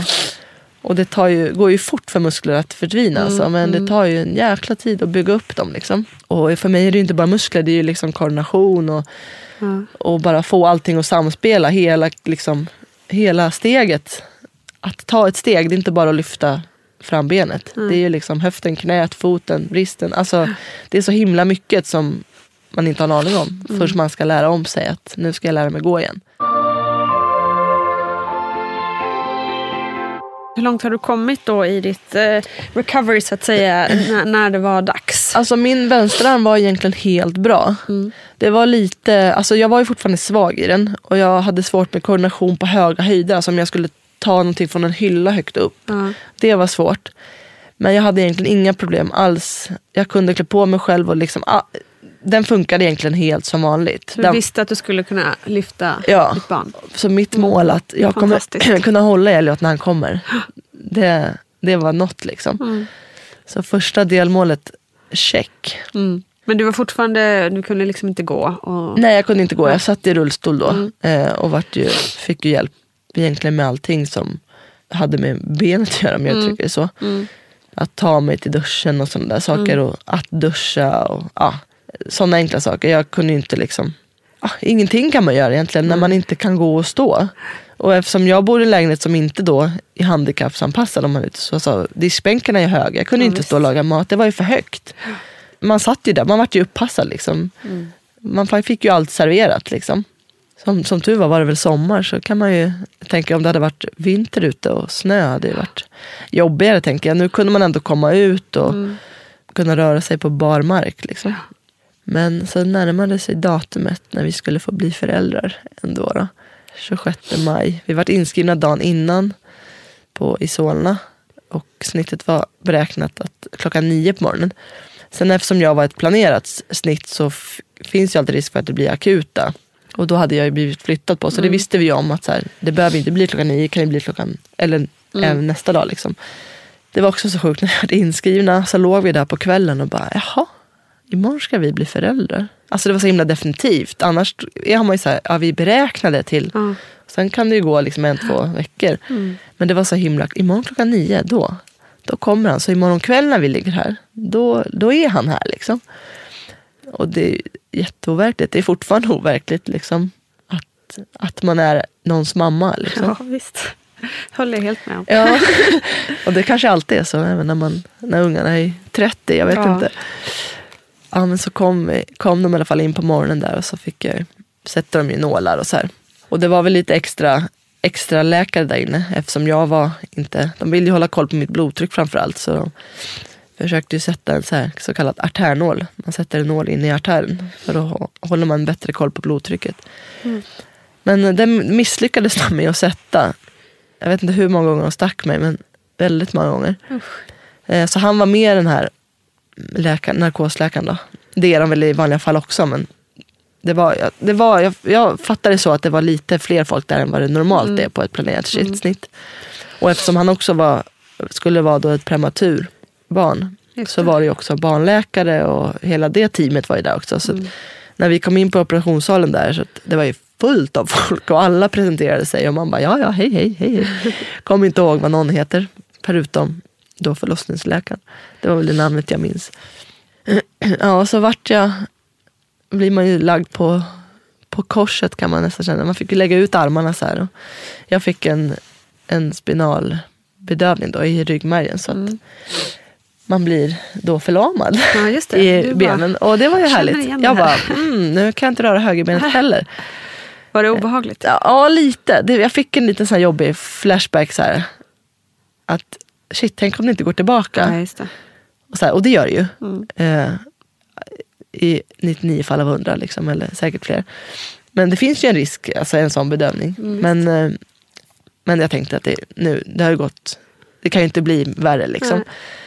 Och så jag fick vara vaken hela snittet, vilket var jättehärligt. Och han, eh, Lennart och han pratade med mig hela tiden också. Att, så att jag fick ändå, ändå min förlossning också. Jag, jag varit lite snuvad på den med. Jag hade ju sett fram emot ändå, även fast jag fattar att det gör jätteont och hela den biten, alltså att föda vaginalt. Och jag, hade- men jag hade sett fram emot det. Jag bara, fan vad häftigt liksom att ändå få, och jag bara, åh jag vill att Thomas ska få så här, vara stolt över mig, att så här, det här kommer jag greja liksom. Och jag vill lägga upp den här bilden på Facebook, att nu är han här, alla mår bra. Och det kunde jag inte göra liksom. Och det, jag tycker inte så här, men jag uttrycker det så att liksom, jag fick ingen riktig förlossning. Jag Jag, fick den här liksom lätta vägen typ.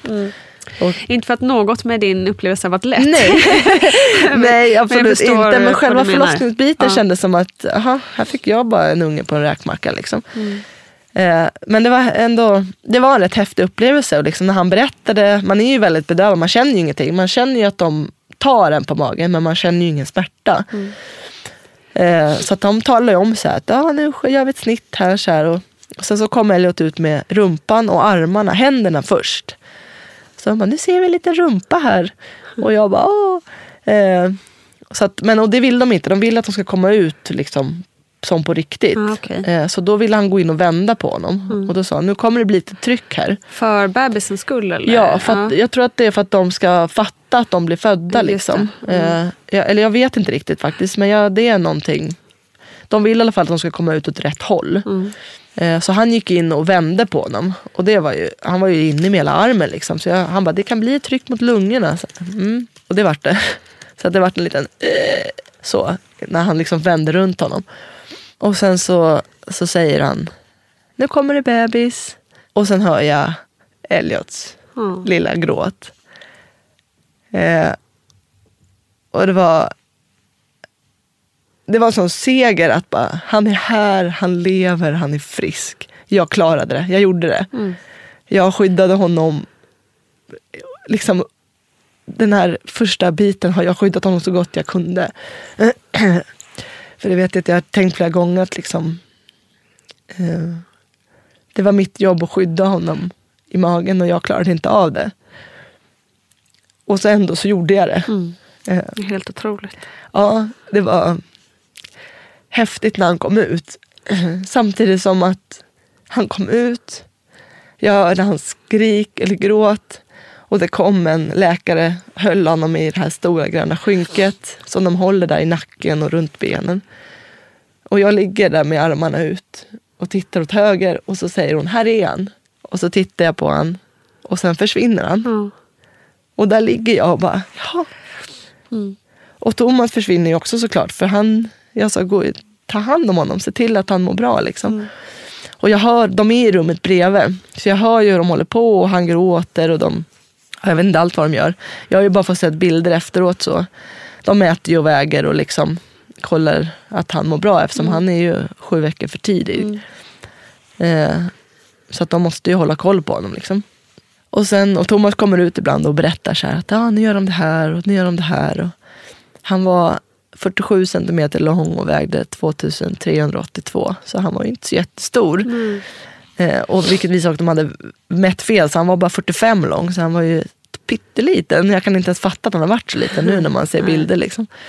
Och sen så kom han ut eh, till slut. Och jag vet inte hur lång tid det tog. Ja, det kändes ganska lång tid.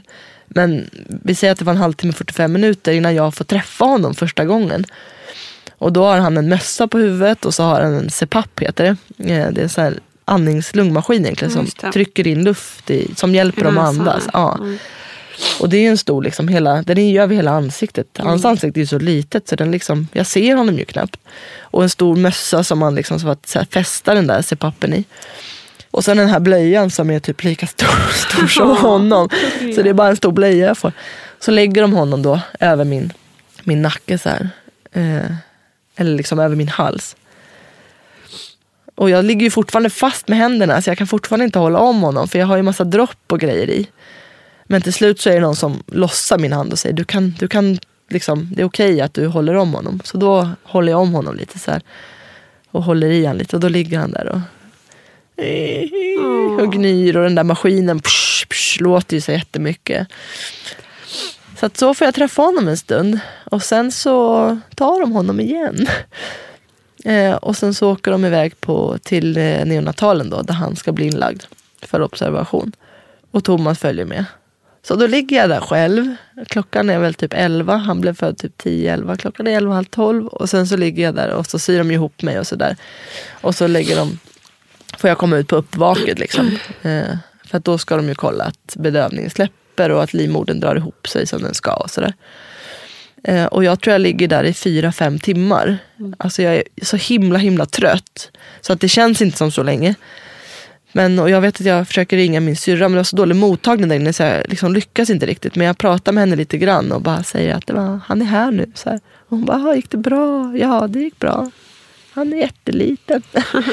eh, och det kändes så himla konstigt för jag hade också den här känslan att så här, nu är jag mamma och det är min lyckligaste, vet, kärlek första ögonkastet och hit och dit.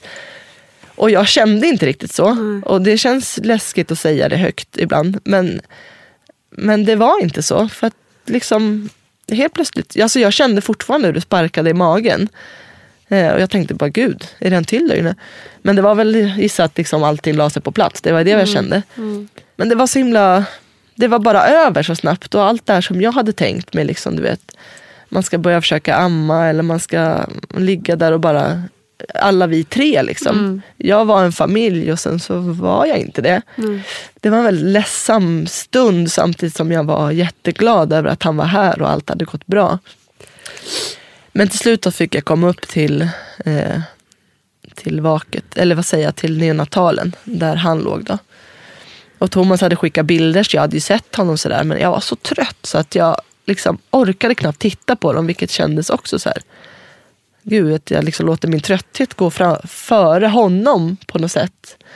Men det gick inte att motstå. Liksom, Nej, att jag bara, jag måste vila en stund till. Alltså, Ja, det var, ja, väldigt trött var jag. Men till slut så fick jag komma upp i alla fall. Och då, var jag, då hade jag ju sovit typ hela tiden fast jag inte riktigt hade fattat det.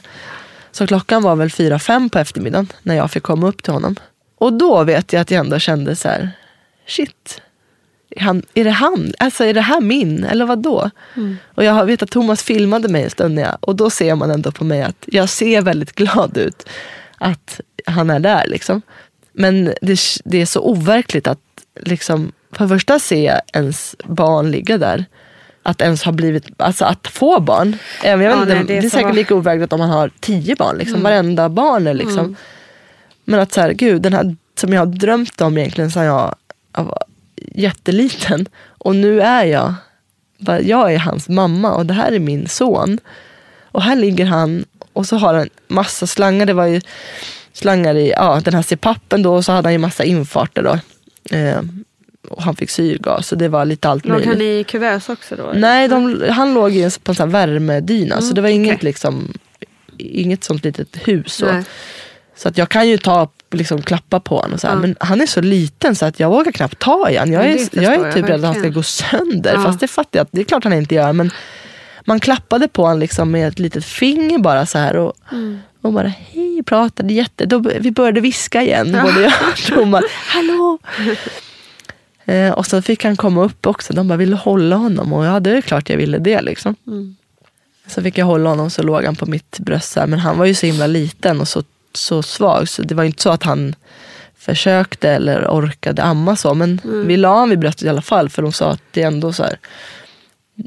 Man ska vänja dem typ. De ska förstå att liksom.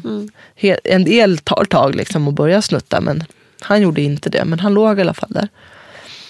Och vi låg på BB, eh, då en våning upp. Eh, så att vi fick ju lämna honom på kvällen. Och bara det så här, ha. Så att när, kvällen innan vi hade sagt att imorgon är vi föräldrar, då ligger Elliot här. Så låg vi på BB själva. För han låg där nere. Och någon annan hade ansvar att liksom ta hand om honom. Ja, det måste kännas tufft. Ja, det var konstigt liksom att Speciellt när man vet att, att liksom, han är så ynklig och Ja. liten. Då vill man ju klart bara vara där. Ja, och jag vet jag sa Thomas, jag bara, tänk om han blir ledsen och vill ha sin mamma. Ja. Han, och Thomas sa, ja men då går vi väl ner. Ja, det var bara det att det var värsta projektet för mig att gå ner. För jag kunde inte bara gå ner. Nej, precis. Eh, och det är ändå, de låg ju, jag tror att det var fyra barn i varje sal. Så det var rätt trångt. Så att det var svårt att komma in och komma in med rullstol. Liksom. Det var inte helt smidigt.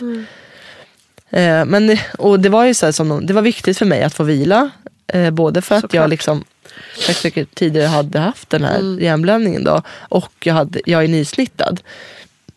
Så att jag, jag, jag behöver vila liksom. Så att ja, vi gick upp där på kvällen och, och la oss. Eh, och sen dagen efter åkte vi, vaknade vi på morgonen och så gick vi ner och jag hade sån fruktansvärd huvudvärk. Så att jag, jag kunde inte stå upp typ, eller då sitta upp. Eh, och då för en lång historia kort så hade jag fått så här postspinal huvudvärk. Drabbar typ en av, vad sa de, 400 eller 300 eller något så här. Jätteovanligt. Gud. Men jag hade sån huvudvärk så att jag, alltså, det bara sprängde. Så att jag kunde typ inte sitta upp. Så jag var tvungen att liksom, den är ju lägesberoende. Så att när jag låg ner var kändes det okej. Men när jag satt upp så gick det inte så bra. Men han du blir rädd att, det- att det var liksom... Ja, både och. igen eller så? det, var, det var inte samma typ av huvudvärk. Nej, så att jag vart inte det. Men jag bad ju dem, så här, ni får ringa till Neuro och höra. Ja, för att det här kan vi inte, måste vi ta på allvar. Så att både narkosen och Neuro kom. Och de sa ju ganska snabbt att det här är postspinal huvudvärk. Jätteovanligt men det drabbar en del. Eh, och ja. Det, Klart att du fick det också. Och min sambo bara, ja det var så klart som fan. Du skulle få det med. Jag bara, de bara, men det går över på några dagar. Man bara, ja. Så att de sa drick Coca-Cola och ta koffeintabletter. Okej. Mm. Ja, ja. Så jag All drack right. Coca-Cola och tog koffeintabletter. Och det hjälpte faktiskt. Jag fick ju nå, eh, jag tror det var morfintabletter eller Oxynorm eller något sånt där. Eh, men det hjälpte inte alls. Så att då sa jag, då vill jag inte ha det för jag, jag vill ju amma honom. Så att jag hade ju börjat pumpa eh, för att ge honom, han hade ju en sån då eftersom han inte kunde äta själv. Så att vi gav ju honom ändå bröstmjölk Ja, i. okej. Så Och det var ju- funkade? Ja det funkade jättebra. Men då ville jag ju inte ha massa läkemedel för det går Nej, det ju är ut klart. liksom. Ja. Så att då körde jag bara, pillade koffeintabletter då. Och så sitter vi nere hos Elliot. När man tycker att du har allt lagt sig. Du har här, jag mår bra, Elliot mår bra. Du hade liksom, nu ska vi bara bli friska och få åka hem. Så sitter vi nere på neonatalen med honom. Eh, Thomas har, eller om det var jag som hade hållit honom i famnen. Eh, och så skulle de lägga tillbaka honom i, i kuvösen för att han fick även gulsot. Mm. Vilket är vanligt även med fullgångna mm. barn.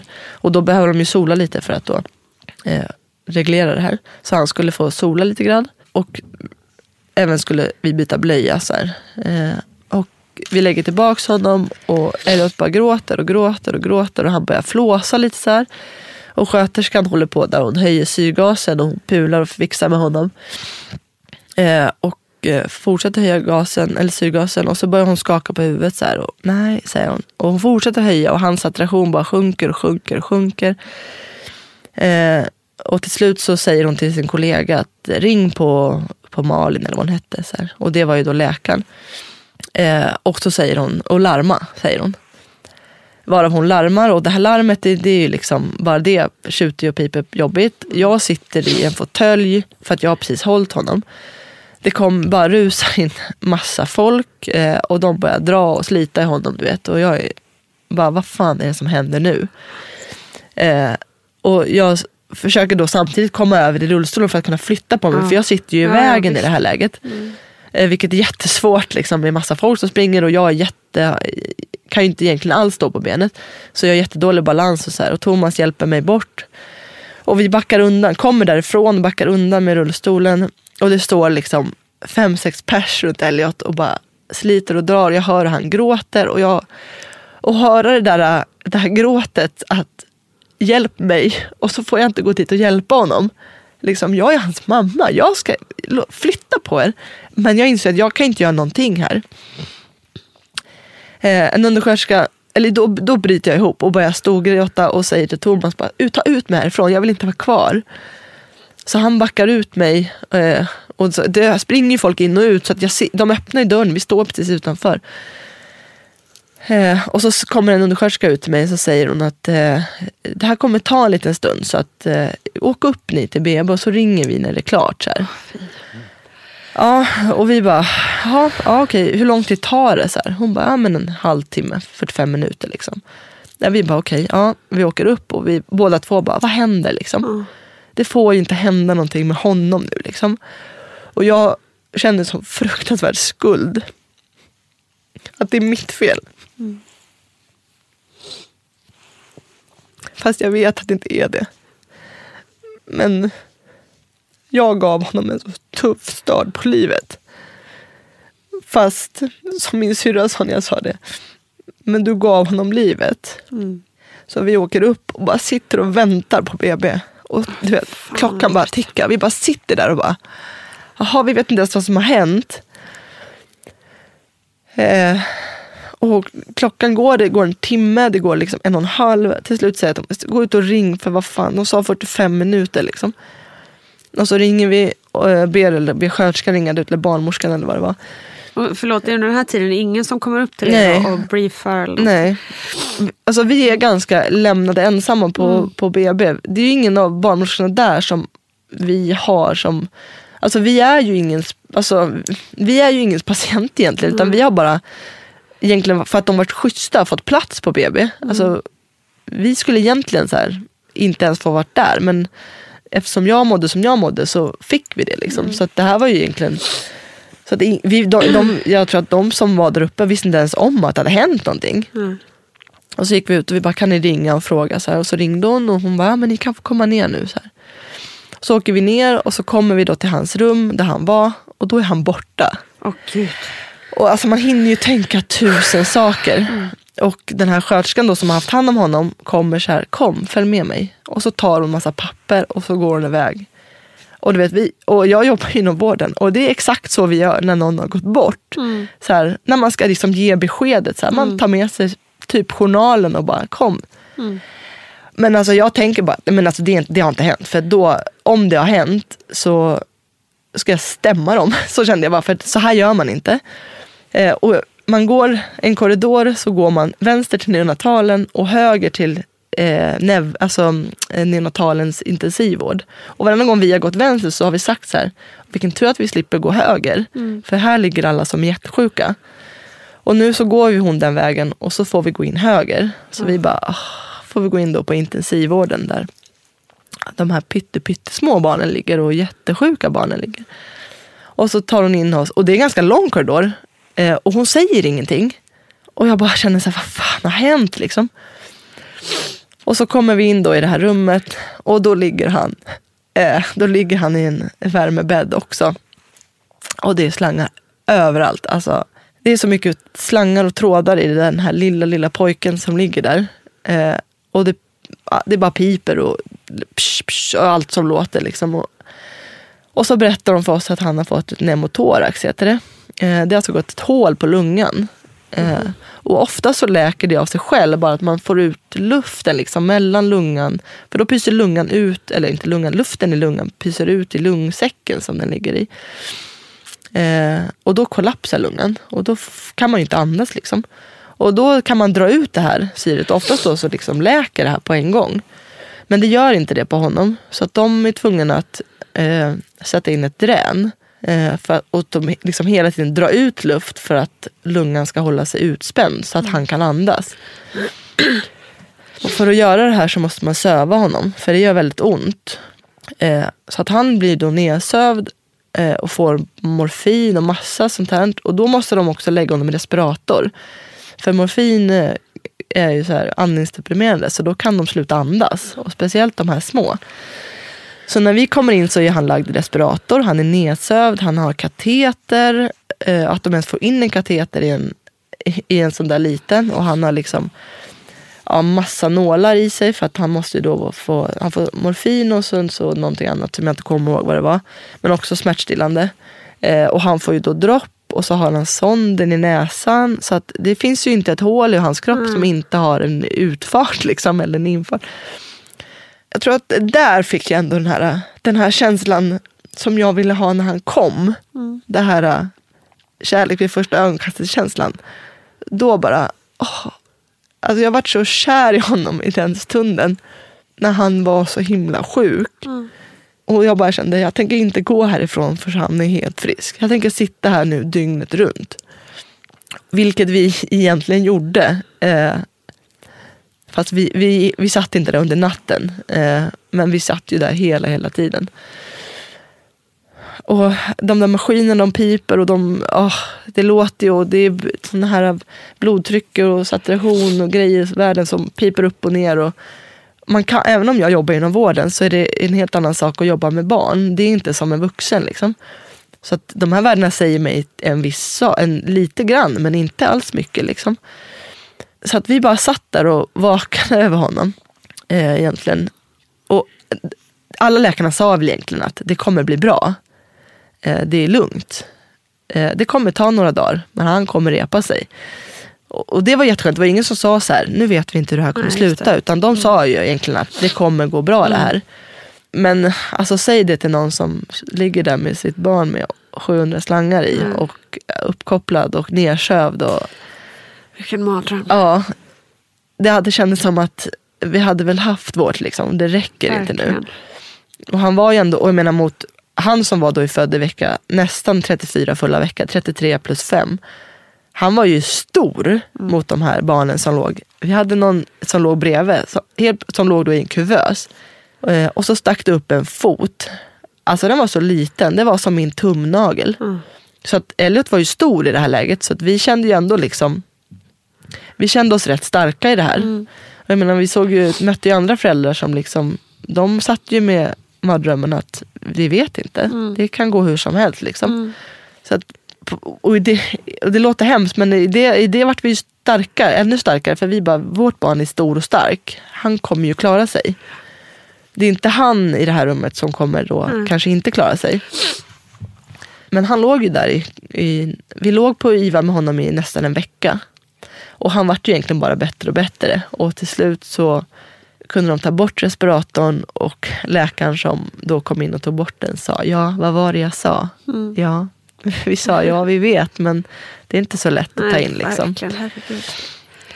Eh, och när han då börjar vakna, han tittar upp och bara har så här enormt stora bruna ögon. Och då har det gått en vecka.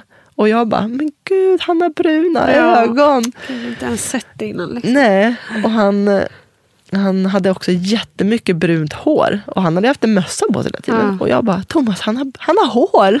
Han har brunt hår. Så att det var liksom som att det, allting kom en gång till. Liksom. Varför vill man vända bebis som ligger i säte? ehm, ja, både vid kejsarsnitt och vid eh, vaginal födelse. Ja, nu förstod inte jag riktigt vad du menar både med kejsarsnitt och vaginalt. Vid vaginalt så förstår jag jätteväl. För där är det ju så att det krävs ju andra förutsättningar för kvinnor som ska föda sitt barn som kommer med stjärten neråt. Eftersom barnets huvud kommer sist. Och det är det kanske mer kritiska momentet eftersom precis när stjärten har trängt föds fram och sen huvudet ska ut så, så är det en period där som det kan vara svårt för barnet att få ut för oss att få ut barnet. För huvudet kan ju inte forma om sig och så ska det gå fort. Så att därför så krävs det då att kvinnan har större, större bäcken. Så kan man säga. Eh, nummer två, det här att man skulle vända ett barn som ligger med stjärten ner och sen vända det till huvudet för att sen göra kejsarsnitt. Det är någonting som Ja, jag blir jätteförvånad när du frågar, för jag har aldrig talat om det oavsett situationen. För att vid ett kejsarsnitt, att det skulle vara, vara till någon fördel, för att där hämtar man ju ut barnet och det är ju lätt att, att få ta ut ett barn som ligger med stjärten ner. Det spelar inte så stor roll. Så att den förstår jag inte riktigt, om det inte är några andra omständigheter kring det hela som har gjort att det har blivit på det viset. Så. Eh, men jag tänker vaginal födelse, det finns ändå eh, kvinnor som föder ut ett barn i säte. Det här har ju varit en diskussion fram och tillbaka och studier som visar ena gången si och andra gången så. Ett för kanske tio år sedan så sa man skulle ingen kvinna föda barn med, där barnet låg med stjärten neråt oavsett förutsättningarna. Idag så svänger man mera och så säger att det går bra om vissa förutsättningar finns. Till exempel om, det är, om man är omföderska så vet man ju att den typen av födslar är ju mera komplikationsfria och eh, vävnaden har varit uttänjda så det finns bättre plats för barnet. Och sen att man kontrollerar att, att kvinnan, att man gör en bäckenröntgen, kontrollerar att måtten är bra och sedan att det får starta av sig själv och att, att förlossningen går fint framåt. Så ser man att där, där går det bra. Eh, är det med man förstföderska så är det, där är ju alltid risken för komplikationer större generellt. Och där man vet att precis det här slutskedet när barnet ska krystas ut som är kritiska momentet så är det ju, tar det ju längre tid för en förstfödare att krysta ut barnet och på det viset så blir komplikationer, risken för barnet något större. Men att det här kommer svänga fram och tillbaka och också var någonstans på vilken klinik man föder. Vissa kliniker är är mer generösa därför att de har också kompetensen bland personalen. Problemet har ju varit att, att när på de här tio åren då, där inte liksom man tillät då några kvinnor föda sitt barn med, med stjärten ner, då försvann ju kompetensen bland personalen. Så, så sen då när man ska börja om igen, då är det ingen som kan det. Medan på vissa kliniker så behöll man det och då har man kompetensen kvar och då går det bra. Så i slutändan så är det ju, har man skicklig personal som klarar det här, då kan man göra det. Finns det ingen som kan det, ja då får man göra kejsarsnitt. Vad är gulsot egentligen och varför får vissa barn det? Om du då pratar om den normala gulsots med den nyföddhetsgulsoten, så, att säga, så i princip så har ju nästan alla barn mer eller mindre beroende på att de... Och det är ju därför att i livmodern så behöver ju barnet ha ett betydligt större antal röda blodkroppar eftersom de får sig syre i andra hand från kvinnan från sin mamma. Men sen när de föds fram då, då andas de av sig själv och syresätter sig mycket lättare och då bryts de här röda överskottet av de röda blodkroppar ner och då bildas det ett eh, färgämne som heter bilirubin. Och då eftersom levern är, går inte för full kapacitet så här i början. Och därför så, så kan det vara svårare för barnet att bryta ner det här eh, bilirubinet, alltså färgämnet då, som gör att barnet blir gult. Och då är det ju att olika barn har olika förmåga beroende på vilken kapacitet levern har. Men mer eller mindre så att jag tycker att man ska se det som en normal. När vi pratar om den nyföddhetsgulsoten. Sen finns det ju andra anledningar till som inte är normala. Utan att till exempel det här med blodgrupp och så vidare. Om mamman är R-negativ och barnet är R-positivt till exempel. Så kan det uppstå en så kallad immunisering som också där man bryter ner de här blodkropparna alldeles för mycket. Och, men men det, idag i Sverige så upptäcker man ju sådana här tidigt och det är ju därför vissa kvinnor som är negativa så testar man dem och ser vilken blodgrupp barnet har och så får hon en spruta för det och så blir, uppstår inte den här immuniseringen.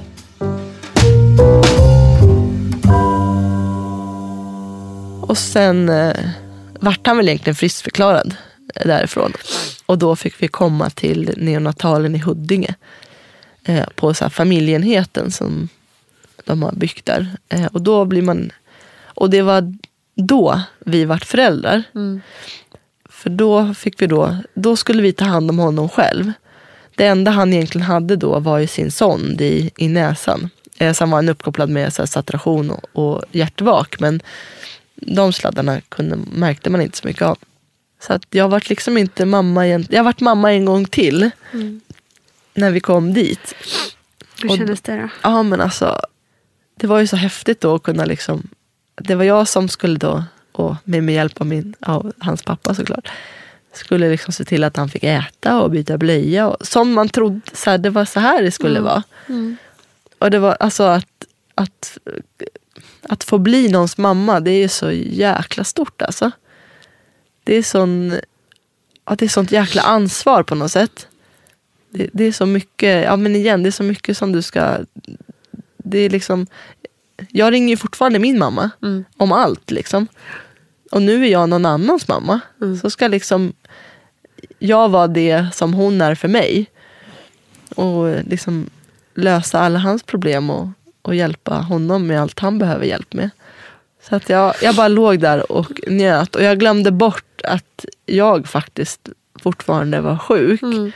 Jag glömde bort att jag inte kunde gå. Och jag glömde bort att, att jag liksom för fem veckor sedan inte kunde röra min arm. För jag kunde hålla i honom och jag kunde klappa om honom och trösta honom när han var ledsen och värma honom när han var kall. Alltså, bara den segern för mig också. Att så här, det här var ett, jag är bättre liksom. Jag, jag går åt rätt håll. Och då hade jag även kunnat, jag hade börjat gå fast Ja, när jag säger gå så tänker ju ni gå. Och det här är något helt annat. Men jag har ändå kunnat ställa mig upp och gå från sängen till toaletten. Liksom. Även om jag risken för att ramla var enormt stor. Men jag gjorde det i alla fall. För att jag tänkte att det är bara att köra. Ramlar jag så ramlar jag. Nu, jag, jag gjorde, liksom, kunde ju inte hålla, gå och bära Elliot till exempel. Det gjorde jag ju såklart inte. Men jag kände att det är bara, det är bara att bita i äpplet och köra. Liksom. För nu, nu börjar etapp två. Det är att jag ska lära mig gå. Och jag sa det på lite skoj, men jag sa det att jag ska lära mig gå innan Elliot gör det. Så att jag har, det igen, jag har tidspress på mig. Så att det är bara att köra. Hur länge fick ni vara kvar där på? Där var vi också en vecka. Eh, och han gick upp i vikt och, och började amma. Så att vi, han ammade och orkade inte så länge utan han somnade ju på en gång. Men han gjorde det i alla fall. Så fick vi fylla på med i sonden då.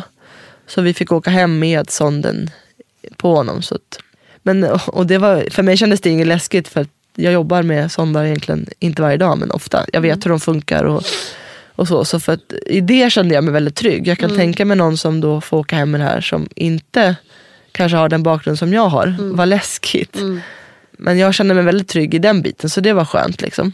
Men var du redo att åka hem också rent fysiskt? Det var jag egentligen inte. Alltså, min plan, vår plan var att jag skulle få honom och sen skulle jag åka tillbaka till Danderyd Okej. och fortsätta min träning där. Men när han väl var där så kände jag att jag, det går inte. Jag kan inte lämna honom. Alltså, det, nej, jag får lösa det på något annat sätt. Så att jag skrev faktiskt ut mig själv från Danderyd och vart hemskriven med så hem, eh, hemsjukvård eller hemrehab. Så i första början av tiden så kom de hem till mig och så tränade vi.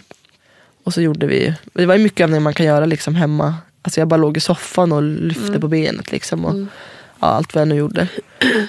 Eh, och framförallt så, som sagt, så var det ju sommar så att vi gick ut och gick med Elliot ofta. Eh, jag, då gick jag med rullator. Eh, så att det, vi gick ut och gick, tränade egentligen. Vi gick till affären. Ta mig idag tio minuter att gå till den där affären. Det tog mig ungefär en timme att gå dit. Så det var ju träning. Idag, för nu när du kom hit idag, du haltar ju fortfarande lite Mm. och så. Och Elliot är ett och ett halvt år nu. Ja. Hur, när, när liksom, hur lång tid tog det för dig innan du liksom kände att nu kan jag ändå röra mig liksom, hyfsat, hyfsat eller vad man ska ja. säga? Ja.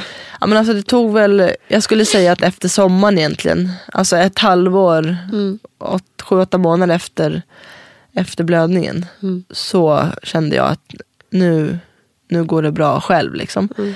Jag, jag bar fortfarande inte Elliot utan jag hade vagnen som jag körde innan. Jag la mm. honom och så förflyttade jag honom med den för jag mm. ville inte riskera. Liksom. Nej, men, eh, men nu är det ju inga problem alls egentligen. Eh, nu jag skulle säga att jag är långt ifrån återställd eh, och jag hänger fortfarande i vården. Och, ja, de följer mig med röntgen och operationer mm. och sånt där för min del. Mm. Men eh, eh, jag, jag, idag klarar jag egentligen allting själv med mig själv och med Elliot. Jag får hjälp med vissa saker. Liksom. Mm. Det som är jag har problem med min fot. Jag kan inte riktigt röra den. Och den har ju enormt stor betydelse mm. med för gång och balans. Men att jag sitter här idag, jag har en son hemma som är tokfrisk och såklart världens bästa. och vi är fortfarande det här teamet. Han, jag kan fortfarande bli trött och liksom må dåligt och sådär. Och han känner av det direkt. Mm. Och anpassar sig efter, efter mig, och vilket är jäkligt häftigt. Eh, och jag, jag kan gå. Och min arm helt är otroligt. helt som den ska vara egentligen. Ja. Så, att, Så ja. jäkla inspirerande. Det är fantastiskt. Ja, Verkligen. Tack. Men, ja. Om du ser tillbaka på hela den här galna händelsen, får man ändå säga. Mm. Vad, vad positivt kan du ändå ta med dig?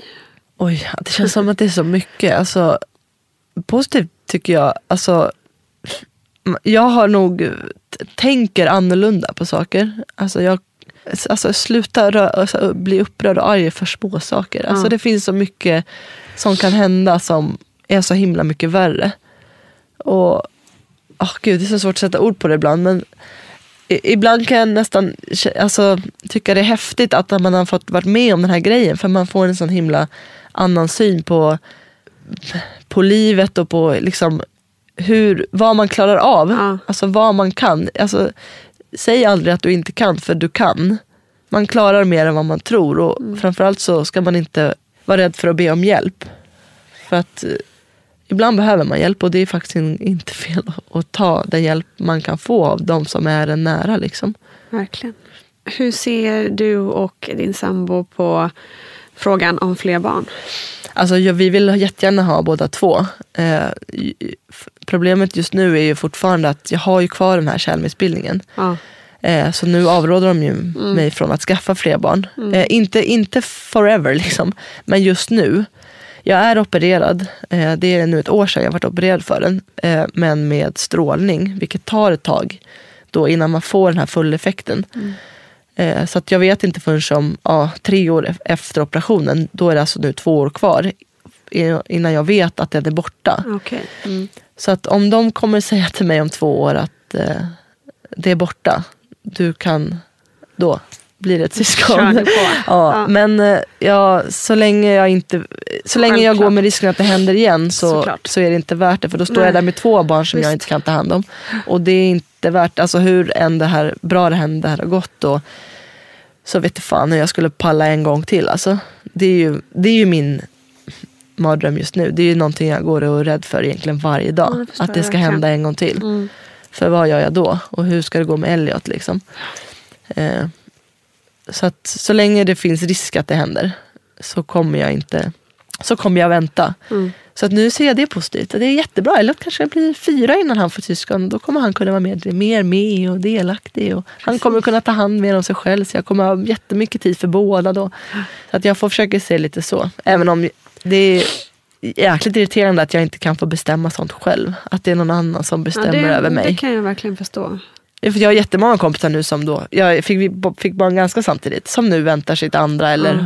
är på väg. Liksom. Och jag bara, ah, det är klart jag blir alltså, lite avundsjuk att mm. så här, här kan de bara göra som de vill. Mm. mm. Och så står jag här och har någon som står av för mig och bara akta dig. Precis. Det behöver inte hända men det kan hända. Ja. Och vågar man chansa? Nej, Nej. inte jag Verkligen i alla fall. Inte. Ja, gud vilken historia. Eh, en fråga som jag ställer till alla eh, som är med i podden är ju vad man skulle vilja ge för tips och råd till, eh, den som är gravid nu? Eh, eller som kanske funderar på att bli gravid? Ja, tips och råd. Alltså, det, det är väl lite så här klyschigt men, men ta vara på tiden. Mm. Och ja men igen, var glad över det som man har. Och inte liksom vara så himla ivrig att man ska ha mera. Eller det ska, åh det skulle varit bättre om det var så eller bättre om det var så. Alltså är du frisk och barnet är frisk. Så bara luta er tillbaka och njut. Mm. För det är ju fantastiskt kul att vara mamma. Det är jättejobbigt i stunder. Men det är ju väldigt, väldigt roligt. Ja, är det något mer du vill eh, säga som jag, jag har missat eller som du känner att du vill få ut? Nej, jag vet inte faktiskt. Jag är jättekul att få väldigt skönt att få berätta och prata Ja. om det här. Det är ju Eh, lite terapeutiskt. Ja, för, det är liksom, lite det. Att bara prata av Och det finns ju tusen saker till säkert att berätta och, och, och så. Men, men vilken, vilken kraft och energi Elliot är och har varit.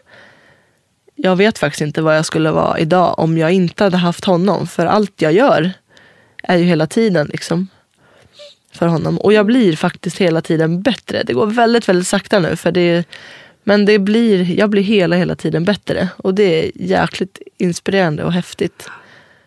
Jag är sjukt imponerad av kroppen. Jag kan Ja, bara titta på folk och bara, men gud vilken, fa- vilken fantastisk kropp. Vad den kan liksom. Ja. Och, och man vet inte om det. Man tänker inte på det när allt bara fungerar liksom.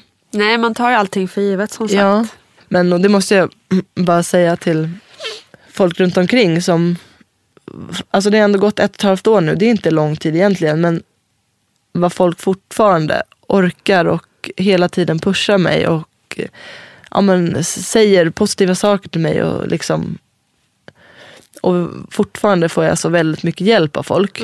Eh, Och, och ibland, alltså, det är klart, det är inte så att jag har gått igenom det här och bara skrattat hela tiden. Jag har ju haft dagar som jag har varit otroligt ledsen och, och fortfarande känner, vad fan har hänt? Men så är det någon som bara Ibland ber om det för att jag kanske lägger ut en bild eller skriver någonting om det. Eller någonting sånt. Men ibland så bara är det som att folk känner av att så här, fan, det är häftigt hur mycket liksom, om man ska ta med sig något mer eller liksom dela med sig av, av till andra, våga säga till folk. Liksom, det räcker med egentligen ibland att säga, vad, gud vad fin du är idag, eller vilken snygg tröja du har. Eller, det, kan vara, det kan betyda så himla himla mycket. Att om, man, om man ser någon som man tycker är fin eller snäll eller gör något bra, eller så, här, så säg det. Sluta liksom, håll det tillbaka. Alltså, det kan ju vara en okänd människa. Folk, svenskar är lite tråkiga på det sättet att man typ tror att man inte ska säga, man kan inte prata med folk man inte känner för då tycker folk man är dum i huvudet. Men jäklar vad, vad folk blir glada när man säger, men gud vilken snygg jacka du har på dig. Och, Alltså, det är, jag tror ibland man gör folks dag. Alltså. Verkligen.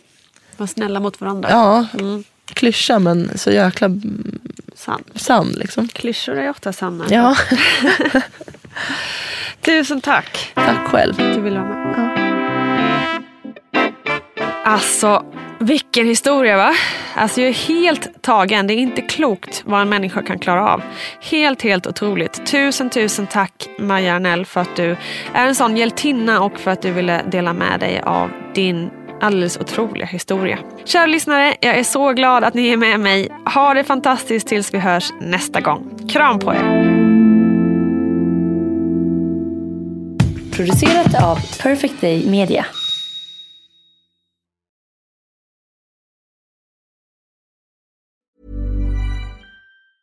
Mom deserves the best, and there's no better place to shop for Mother's Day than Whole Foods Market. They're your destination for unbeatable savings, from premium gifts to show-stopping flowers and irresistible desserts. Start by saving 33% with Prime on all body care and candles. Then get a 15-stem bunch of tulips for just $9.99 each with Prime. Round out Mom's menu with festive rosé, irresistible berry chantilly cake, and more special treats. Come celebrate Mother's Day at Whole Foods Market. Ever catch yourself eating the same flavorless dinner three days in a row? Dreaming of something better? Well, HelloFresh is your guilt-free dream come true, baby. It's me, Kiki Palmer. Let's wake up those taste buds with hot, juicy pecan-crusted chicken or garlic butter shrimp scampi. Mm. Hello Fresh. Stop dreaming of all the delicious possibilities and dig in at HelloFresh.com. Let's get this dinner party started. Imagine the softest sheets you've ever felt. Now imagine them getting even softer over time. That's what you'll feel with Bowl and Branch's organic cotton sheets. In a recent customer survey, 96% replied that Bowl and Branch sheets get softer with every wash. Start getting your best night's sleep in these sheets that get softer and softer for years to come. Try their sheets with a 30-night guarantee. Plus, get 15% off your first order at bowlandbranch.com. Code BUTTERY. Exclusions apply. See site for details. Even when we're on a budget, we still deserve nice things. Quince is a place to scoop up stunning high-end goods for 50 to 80% less than similar brands. They have buttery soft cashmere sweaters starting at $50, luxurious Italian leather bags, and so much more. Plus, Quince only works with factories that use safe, ethical, and responsible manufacturing. Get the high-end goods you'll love without the high price tag with Quince. Go to quince.com/style for free shipping and 365-day returns.